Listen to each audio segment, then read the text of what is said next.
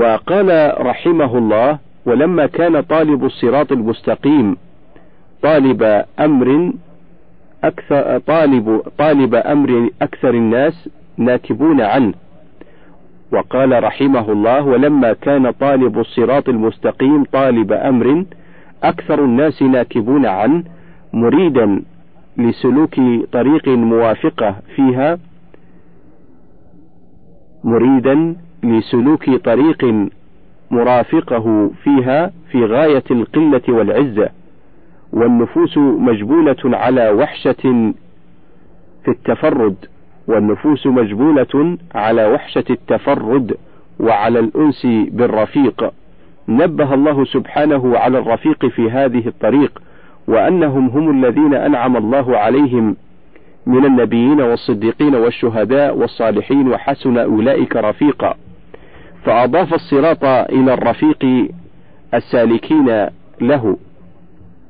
وهم الذين أنعم الله عليهم ليزول عن الطالب للهداية وسلوك الصراط وحشة تفرده عن أهل زمانه وبني جنسه وليعلم أن رفيقه في هذه في هذا الصراط هم الذين أنعم الله عليهم فلا يكترث بمخالفة الناكبين عنه له فإنهم هم الأقلون قدرا وإن كانوا الأكثرين عددا.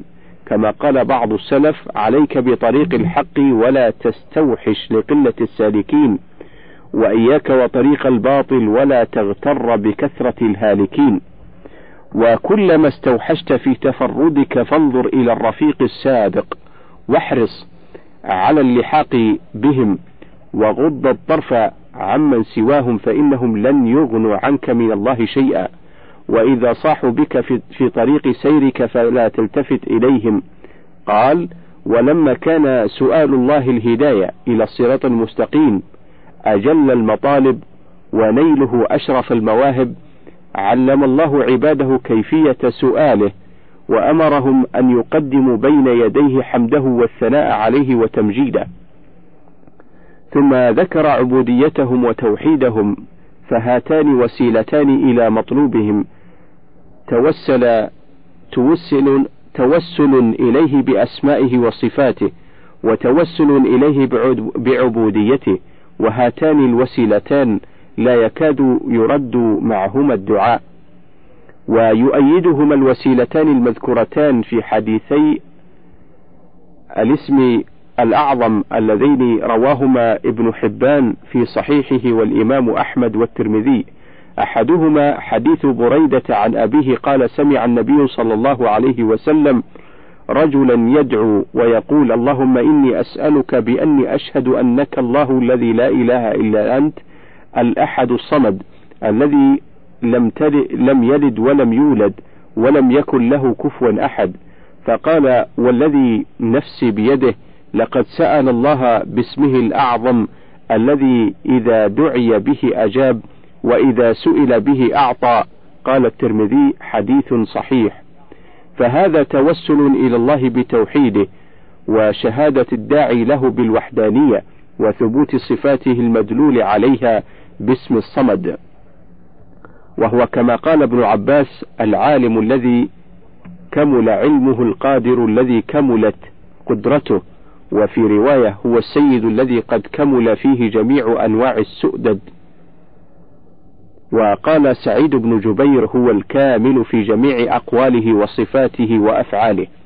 والثاني حديث أنس أن رسول الله صلى الله عليه وسلم سمع رجلا يدعو اللهم إني أسألك بأن لك الحمد لا إله إلا أنت المنان بديع السماوات.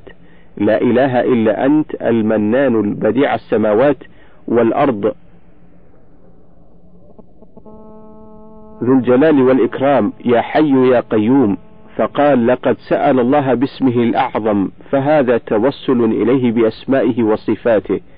وقد جمعت الفاتحة الوسيلتين وهما التوسل بالحمد والثناء عليه وتمجيده والتوسل إليه بعبوديته وتوحيده. ثم جاء سؤال أهم المطالب وأنجح الرغائب وهو الهداية بعد الوسيلتين فالداعي به حقيق بالإجابة. ونظير هذا دعاء النبي صلى الله عليه وسلم الذي كان يدعو به إذا قام يصلي من الليل. رواه البخاري في صحيحه من حديث ابن عباس اللهم لك الحمد أنت نور السماوات والأرض ومن فيهن ولك الحمد أنت قيوم السماوات والأرض ومن فيهن. ولك الحمد أنت الحق ووعدك الحق ولقاؤك حق والجنة حق والنار حق والنبيون حق والساعة حق ومحمد حق. اللهم لك أسلمت وبك آمنت وعليك توكلت وإليك أنبت وبك خاصمت وإليك حاكمت. فاغفر لي ما قدمت وما أخرت وما أسررت وما أعلنت. أنت إلهي لا إله إلا أنت. فذكر التوسل إليه بحمده والثناء عليه وبعبوديته ثم سأله المغفرة.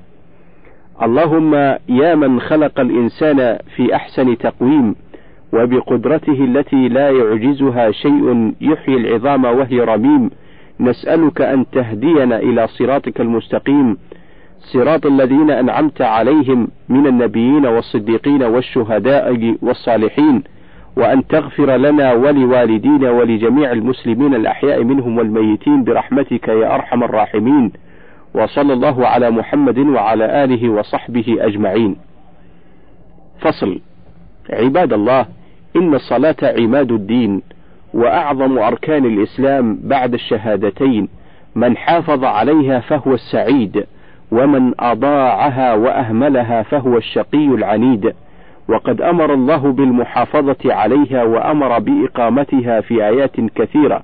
قال تعالى حافظوا على الصلوات والصلاة الوسطى وقال والذين هم على صلاتهم يحافظون وقال رجال لا تلهيهم تجارة ولا بيع عن ذكر الله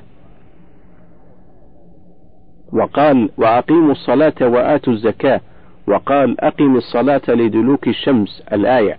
وقال والمقيمين الصلاة وقال وأقم الصلاة طرفي النهار الآية وقال الذين يقيمون الصلاة وقال الذين يؤمنون بالغيب ويقيمون الصلاة.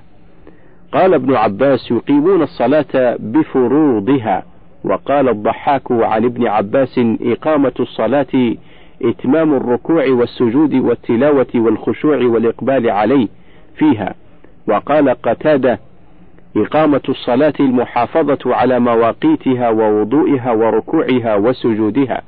وقال مقاتل إقامتها المحافظة على مواقيتها وإسباغ الطهور وإسباغ الطهور فيها وإتمام ركوعها وسجودها وتلاوة القرآن فيها والتشهد والصلاة على النبي صلى الله عليه وسلم.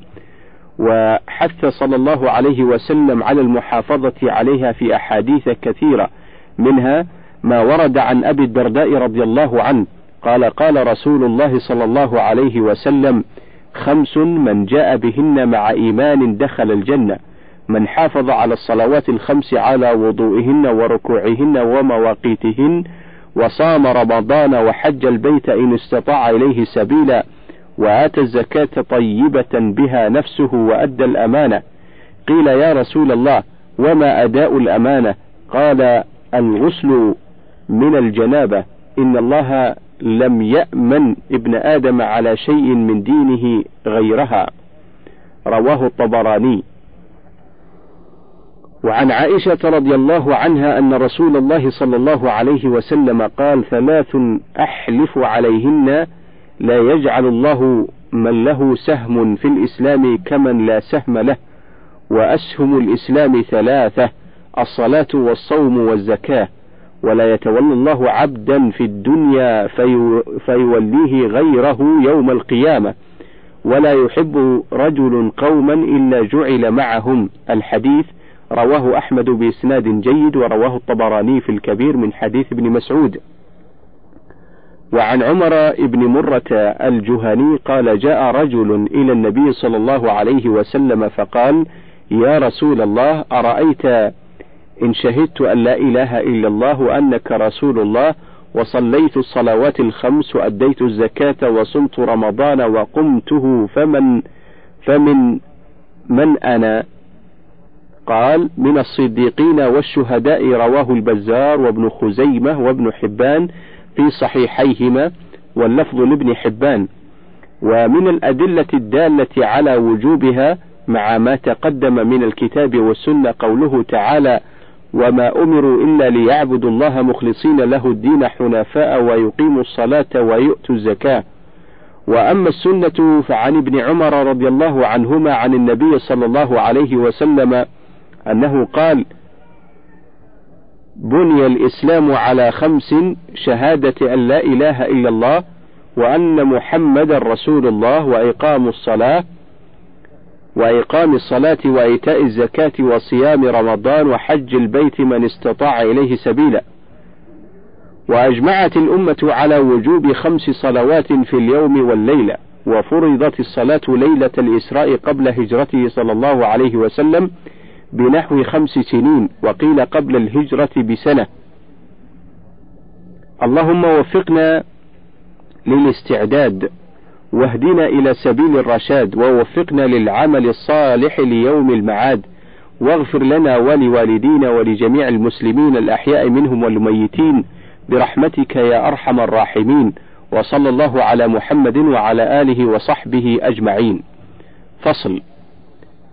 ويحرم تأخير الصلاة عن وقتها على القادر على فعلها الذاكر لها إلا لناوي الجمع لنحو سفر أو مرض لأنه يجب إيقاعها في الوقت الذي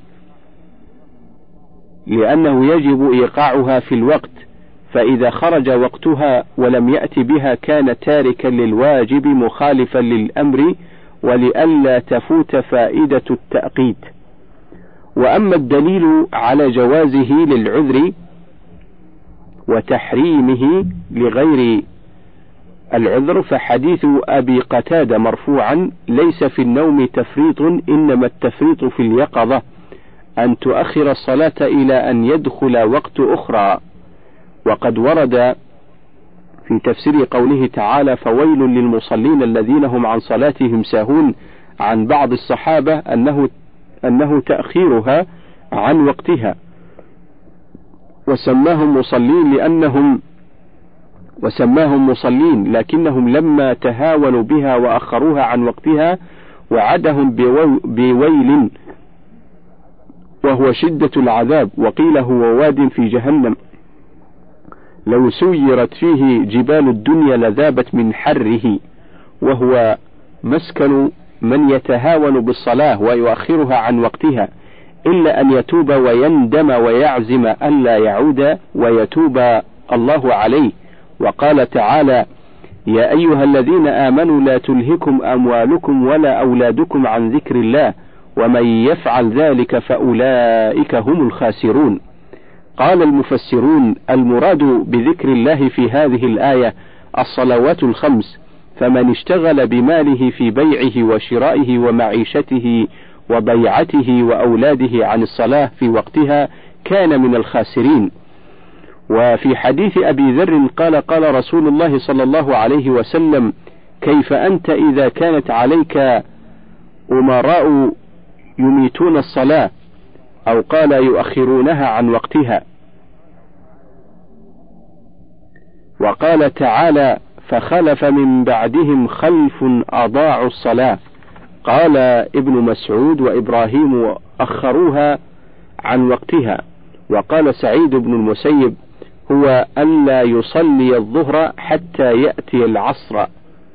هو ألا يصلي الظهر حتى يأتي العصر ولا العصر حتى تغرب الشمس. وجاحد الصلاة ما يخلو إما أن يكون ممن لا يجهل وجوبها كمن نشأ بدار الإسلام فهذا يكفر بجحده لأنه مكذب لله ولرسوله وإجماع الأمة ويصير مرتدا. وإما أن يكون ممن يجهل وجوبها كمن نشأ ببادية وكحديث عهد بإسلام فهذا يعرف وجوبها فإن أصر على الجحد كفر. فإن تركها تهاونا وكسلا دعاه إمام أو نائبه إلى فعلها فإن أبى حتى تضايق وقت التي بعدها وجب قتله ومدة استتابة الجاحد لوجوبها وتاركها وتهاونا الجاحد لوجوبها وتاركها تهاونا وكسلا ثلاثة أيام بلياليها كسائر المرتدين ويضيق عليهما ويدعيان كل وقت كل وقت صلاة إليها فإن تاب بفعلها مع إقرار الجاحد لوجوبها خلي سبيلهما وإلا ضربت عنقهما. وحيث كفر فإنه يقتل بعد الاستتابة ولا يغسل ولا يصلى عليه ولا يدفن في مقابر المسلمين ولا يرق ولا يسبى. له ولد ولا أهل كسائر المرتدين. اللهم اعصمنا عن المعاصي والزلات. ووفقنا للعمل للعمل بالباقيات الصالحات بالصالحات واغفر لنا ولوالدينا ولجميع المسلمين الأحياء منهم والميتين برحمتك يا أرحم الراحمين. وصلى الله على محمد وعلى آله وصحبه أجمعين. فصل في الأدلة على كفر تارك الصلاة. والدليل على كفر تارك الصلاة قوله تعالى فإن تابوا وأقاموا الصلاة وآتوا الزكاة فإخوانكم في الدين. وقال فإن تابوا وأقاموا الصلاة وآتوا الزكاة فخلوا سبيلهم. وقال تعالى مخبرا عن أصحاب الجحيم ما سلككم في سقر؟ قالوا لم نك من المصلين. الآية. وعن جابر بن عبد الله قال قال رسول الله صلى الله عليه وسلم بين الرجل وبين الكفر ترك الصلاة. رواه الجماعة إلا البخاري والنسائي. وعن بريدة قال سمعت رسول الله صلى الله عليه وسلم يقول العهد الذي بيننا وبينهم الصلاة فمن تركها فقد كفر. رواه الخمسة وفي الحديث الآخر من ترك الصلاة متعمدا فقد برئت منه ذمة الله ورسوله. رواه أحمد بإسناد عن مكحول وهو مرسل جيد.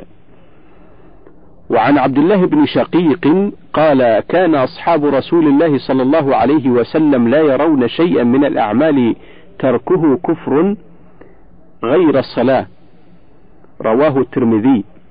وعن عبد الله بن عمرو بن العاص أنه ذكر الصلاة يوما فقال من حافظ عليها كانت له نورا وبرهانا ونجاة ومن لم يحافظ عليها لم تكن له نورا ولا برهانا ولا نجاة وكان يوم القيامة مع قارون وفرعون وهامان وأبي بن خلف.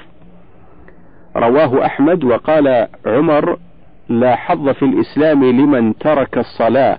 وقال علي من لم يصلي فهو كافر.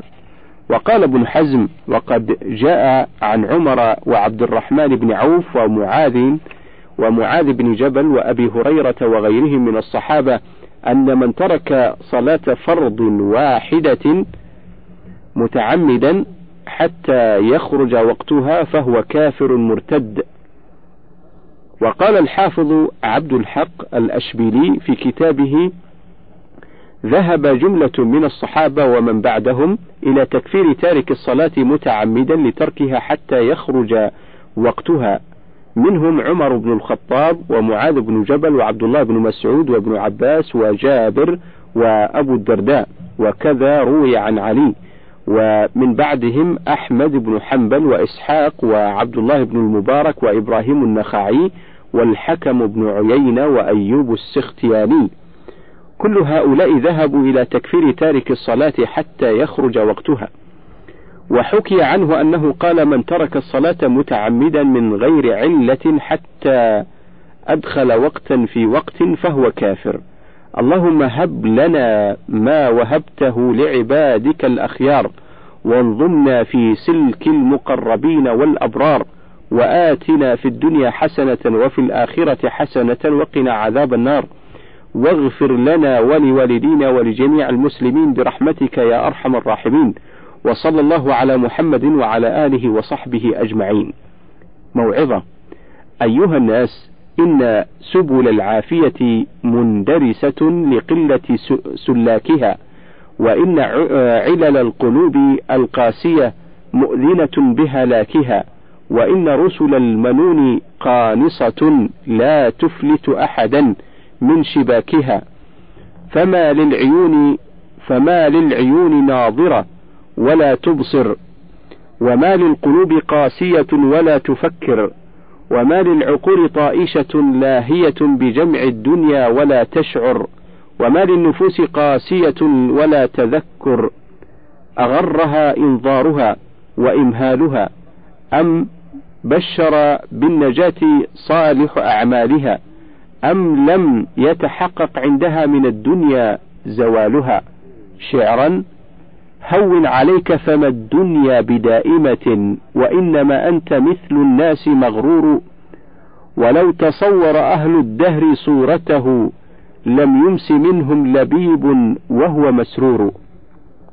تالله لقد شملت القلوب تالله لقد شملت القلوب الغفلة فاستحكم على القلوب أقفالها فكأن قد كشفت الموت لأهل الغفلة قناعه فكأن قد كشف الموت لأهل الغفلة قناعه وأطلق على صحاح الأجسام أوجاعه وحقق بكل الأنام إيقاعه ولم يملك أحد من الخلق دفاعه فخفق من المنزول به فؤاده ورحمه أعداؤه وحساده وقرب عن أهله ووطنه بعاده.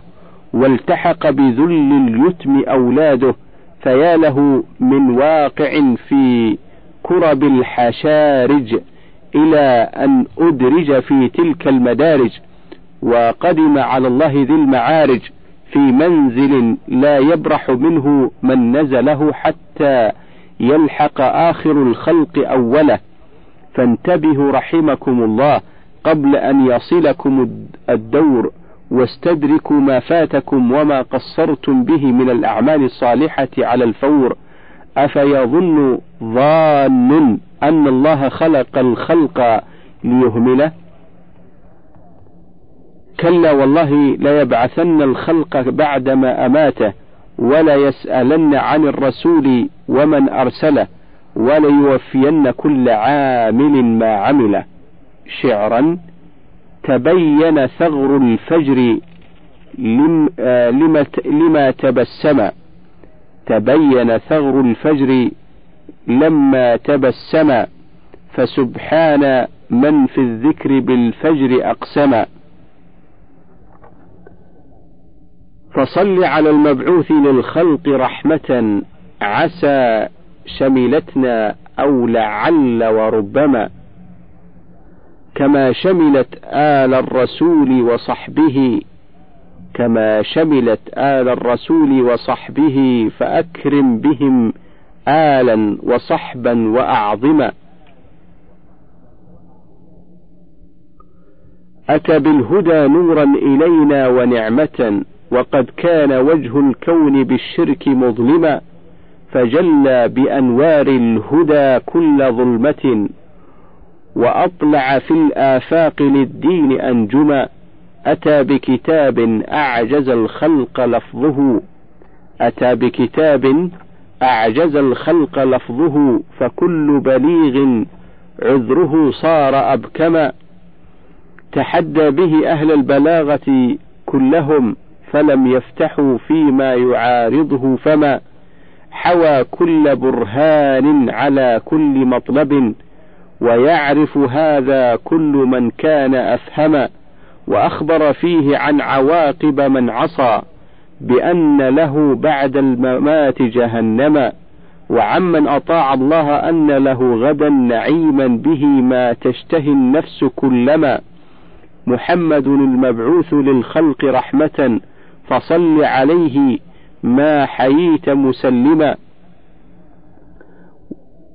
وأسري به نحو السماوات وأسرى به نحو السماوات ربه وأركبه ظهر البراق وأكرما وقد فتحت أبوابها لصعوده فما زال يرقى من سماء إلى سماء ولاقى بها قوما من الرسل كلهم يقول له يا مرحبا حين سلم وكان به فرض الصلاة وحبذا تردده بين الكليم مكلما وصيرها من بعد خمسين خمسة فروضا وأمر الله قد كان مبرما وعاد إلى البيت وعاد إلى بيت أم هانئ مخبرا لها بالذي قد كان منه معلما. وعاد إلى بيت أم هانئ مخبرا لها بالذي قد كان منه ومعلما فخافت عليه أن يكذبه فخافت عليه أن يكذبه الملأ ويزداد من في قلبه مرض عمى فجاء إلى البيت العتيق فأخبر العباد فمنهم من بتكذيبه رمى وكان به الصديق خير مصدق. فصدق خير الرسل في خبر السماء. محمدا المبعوث للخلق رحمة. فصل عليه ما حييت مسلما. وقم حامدا لله في كل حالة. تجد حمده في يوم حشرك مغنما. وصل على المبعوث للخلق رحمة. محمدا المخت محمدا المختار والآل كلما. سرى البرق من أرجاء مكة أو سرى نسيم على زهر الربا متبسما وربي على الأصحاب أصحاب أحمد وكلهم في كل حين معظما. اللهم انظمنا في سلك عبادك المخلصين ووفقنا للقيام بأركان دينك القويم ونجنا من لفحات الجحيم وأسكننا في جنات النعيم واغفر لنا ولوالدينا ولجميع المسلمين الأحياء منهم والميتين برحمتك يا أرحم الراحمين وصلى الله على محمد وعلى آله وصحبه أجمعين. فصل إذا فهمت ما تقدم من محاسن الصلاة وحكمها وحكم تأخيرها وتركها فاعلم أن الناس في الصلاة على مراتب خمس. ذكرها الإمام المحقق ابن القيم رحمه الله فقال: أحدها مرتبة الظالم لنفسه المفرط وهو الذي انتقص من وضوئها ومواقيتها وحدودها وأركانها. الثاني من يحافظ على مواقيتها وحدودها وأركانها الظاهرة ووضوئها لكن قد ضيع مجاهدة نفسه في الوسوسة فذهب مع الوساوس والأفكار. الثالث من حافظ على حدودها وأركانها وجهد نفسه في دفع الوساوس والأفكار من حافظ على حدودها وأركانها وجهد نفسه في دفع الوساوس والأفكار فهو مشغول بمجاهدة عدوه لئلا يسرق صلاته فهو في صلاة وجهاد. الرابع من إذا قام إلى الصلاة أكمل حقوقها وأركانها وحدودها واستغرق قلبه مراعاة حدودها وحقوقها لئلا يضيع شيء منها بل همه كله مصروف إلى إقامتها كما ينبغي إكمالها وإتمامها.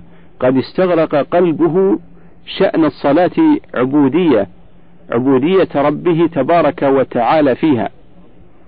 قد استغرق قلبه شأن الصلاة قد استغرق قلبه شأن الصلاة عبودية ربه تبارك وتعالى فيها. الخامس من إذا قام إلى الصلاة قام إليها كذلك ولكن مع هذا قد أخذ قلبه ووضعه بين يدي ربه ربه عز وجل وناظرا بقلبه إليه مراقبا له ممتلئا من محبته وعظمته كأنه يراه ويشاهده وقد اضمحلت تلك الوساوس والخطرات وارتفعت حجبها بينه وبين ربه فهذا بينه وبين غيره في الصلاة أفضل وأعظم ما بي مما, مما بين السماء والأرض. وهذا في صلاته مشغول بربه عز وجل قرير العين. فالقسم الأول معاقب والثاني محاسب والثالث مكفر عنه. والرابع مثاب والخامس مقرب من ربه لأن له نصيبا مما ممن جعلت قرة عينه في الصلاة فمن قرت عينه بصلاته في الدنيا قرت عينه بقربه من ربه عز وجل في الآخرة وقرت عينه به في الدنيا ومن قرت عينه بالله قرت به كل عين ومن لم تقر عينه بالله تعالى تقطعت نفسه على الدنيا حسرات وقد روي أن العبد إذا قام يصلي قال الله عز وجل ارفعوا الحجب. فإذا التفت قال أرخوها. وقد فسر هذا الالتفات بالتفات القلب عن الله عز وجل إلى غيره فإذا التفت إلى غيره أرخي الحجاب بينه وبين العبد. فدخل الشيطان وعرض عليه أمور الدنيا وأراه إياها في صورة المرآة. وإذا أقبل على الله ولم يلتفت لم يقدر الشيطان على أن يتوسط بين الله تعالى وبين ذلك القلب وإنما يدخل الشيطان إذا وقع الحجاب فإذا فر إلى الله تعالى وأحضر قلبه فر الشيطان. فإن التفت حضر الشيطان فهو هكذا شأنه وشأن عدوه في الصلاة. اللهم اجعل في قلوبنا نورا نهتدي به. اللهم اجعل في قلوبنا نورا نهتدي به إليك وتولنا بحسن رعايتك حتى نتوكل عليك. وارزقنا حلاوة التذلل بين يديك. فالعزيز من لاذ بعزك والسعيد من التجأ إلى حماك. وجودك والذليل من لم تؤيده بعنايتك والشقي من رضي بالإعراض عن طاعتك. اللهم نزه قلوبنا عن التعلق بمن دونك واجعلنا من قوم تحبهم ويحبونك. واغفر لنا ولوالدينا ولجميع المسلمين برحمتك يا أرحم الراحمين. وصلى الله على محمد وعلى آله وصحبه أجمعين. فصل. وقال رحمه الله تعالى عن قول النبي صلى الله عليه وسلم في الحديث وآمركم بالصلاة فلا تلتفتوا فإن الله ينصب وجهه لوجه عبده في صلاته ما لم يلتفت. الالتفات المنهي عنه في الصلاة قسمان. أحدهما التفات القلب عن الله عز وجل إلى غير إلى غير الله تعالى. الثاني التفات البصر وكلاهما منهي عنه ولا يزال الله مقبلا على عبده ما دام العبد مقبلا على صلاته. فإذا التفت بقلبه أو بصره أعرض الله تعالى عنه. وقد سئل رسول الله صلى الله عليه وسلم عن التفات الرجل في صلاته فقال اختلاس يختلسه الشيطان من صلاة العبد. وفي أثر يقول الله تعالى إلى خير وفي أثر وفي أثر يقول الله تعالى إلى خير مني. ومثال من يلتفت في صلاته ببصره أو بقلبه مثل رجل قد استدعاه الشيطان قد استدعاه السلطان فأوقفه بين يديه وأقبل يناديه ويخاطبه.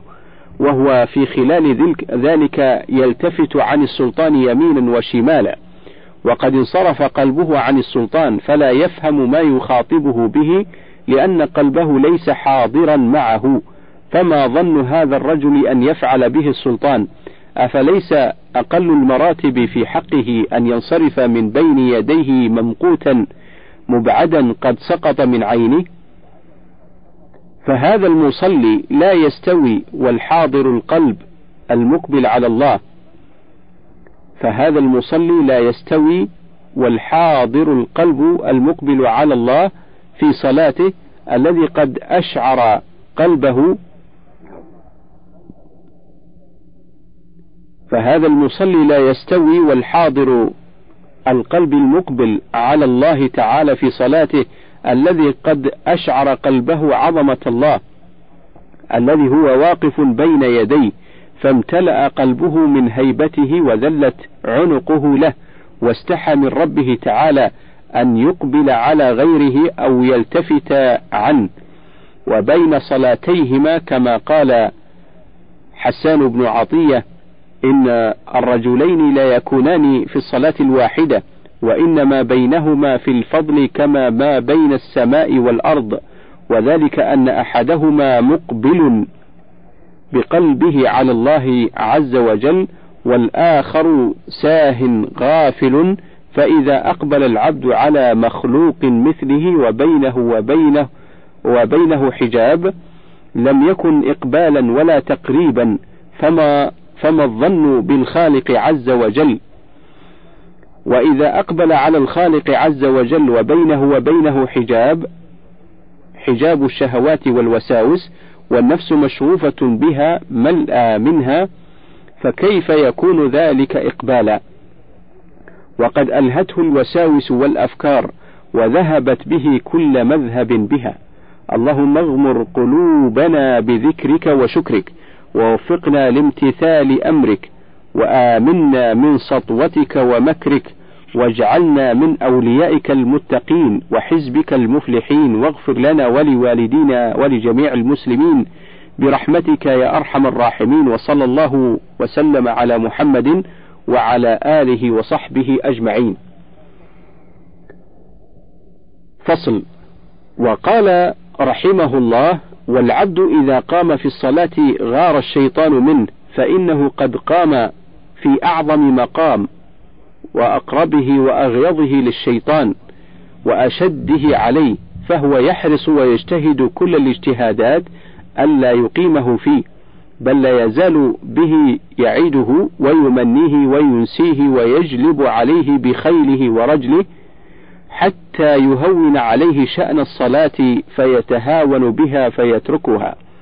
فإن عجز عن ذلك منه وعصاه العبد وقام في ذلك المقام أقبل عدو الله حتى يخطر بين بينه وبين نفسه ويحول بينه وبين قلبه فيذكره في الصلاة ما لم يذكر قبل دخوله فيها حتى ربما كان قد نسي الشيء والحاجة وأيس منها فيذكره إياها في الصلاة ليشغل قلبه بها ويأخذه عن الله عز وجل فيقوم بها بلا قلب فيقوم فيها بلا قلب فلا ينال من إقبال الله تعالى عليه وكرامته وقربه ما يناله المقبل على ربه عز وجل الحاضر القلب.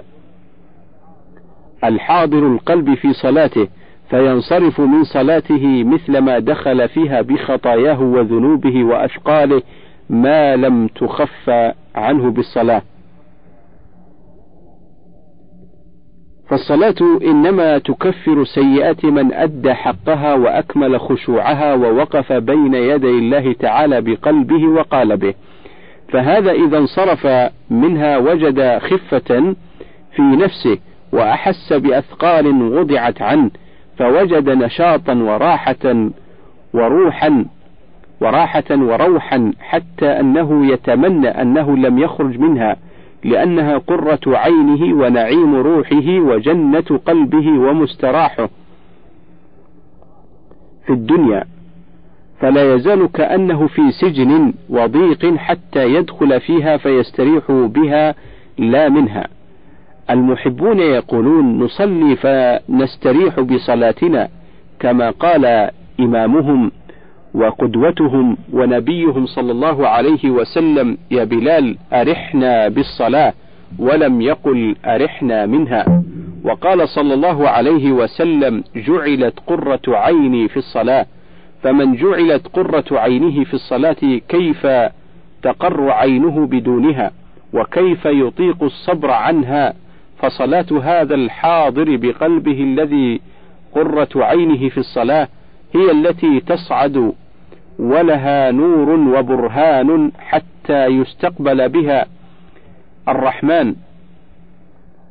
حتى يستقبل بها الرحمن. فتقول حفظك الله تعالى كما حفظتني. وأما صلاة المفرط المضيع لحقوقها وحدودها وخشوعها فإنها تلف كما يلف الثوب الخلق ويضرب بها وجه صاحبها. وتقول ضيعك الله كما ضيعتني. وقد روي في حديث مرفوع عن ابن عمر رضي الله عنهما يرفعه أنه قال ما من مؤمن يتم الوضوء إلى أماكنه ثم يقوم إلى الصلاة في وقتها فيؤديها لله عز وجل.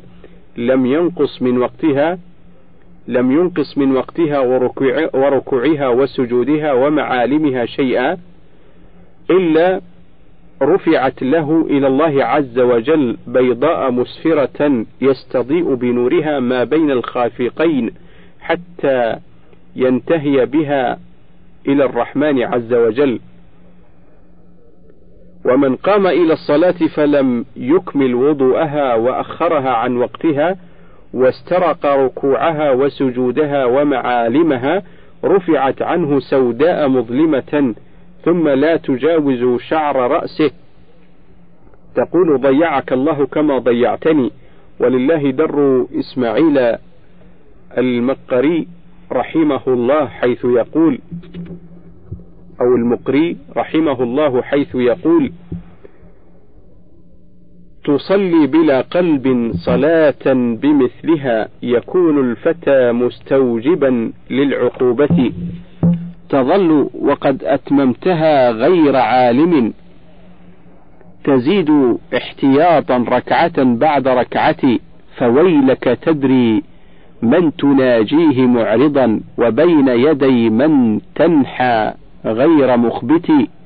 تخاطبه إياك نعبد مقبلا على غيره فيها لغير ضرورة. ولو رد من ناجاك للغير طرفه تميزت من غيظ عليه وغيرة أما تستحي من مالك الملك أن يرى صدودك عنه يا قليل المروءة.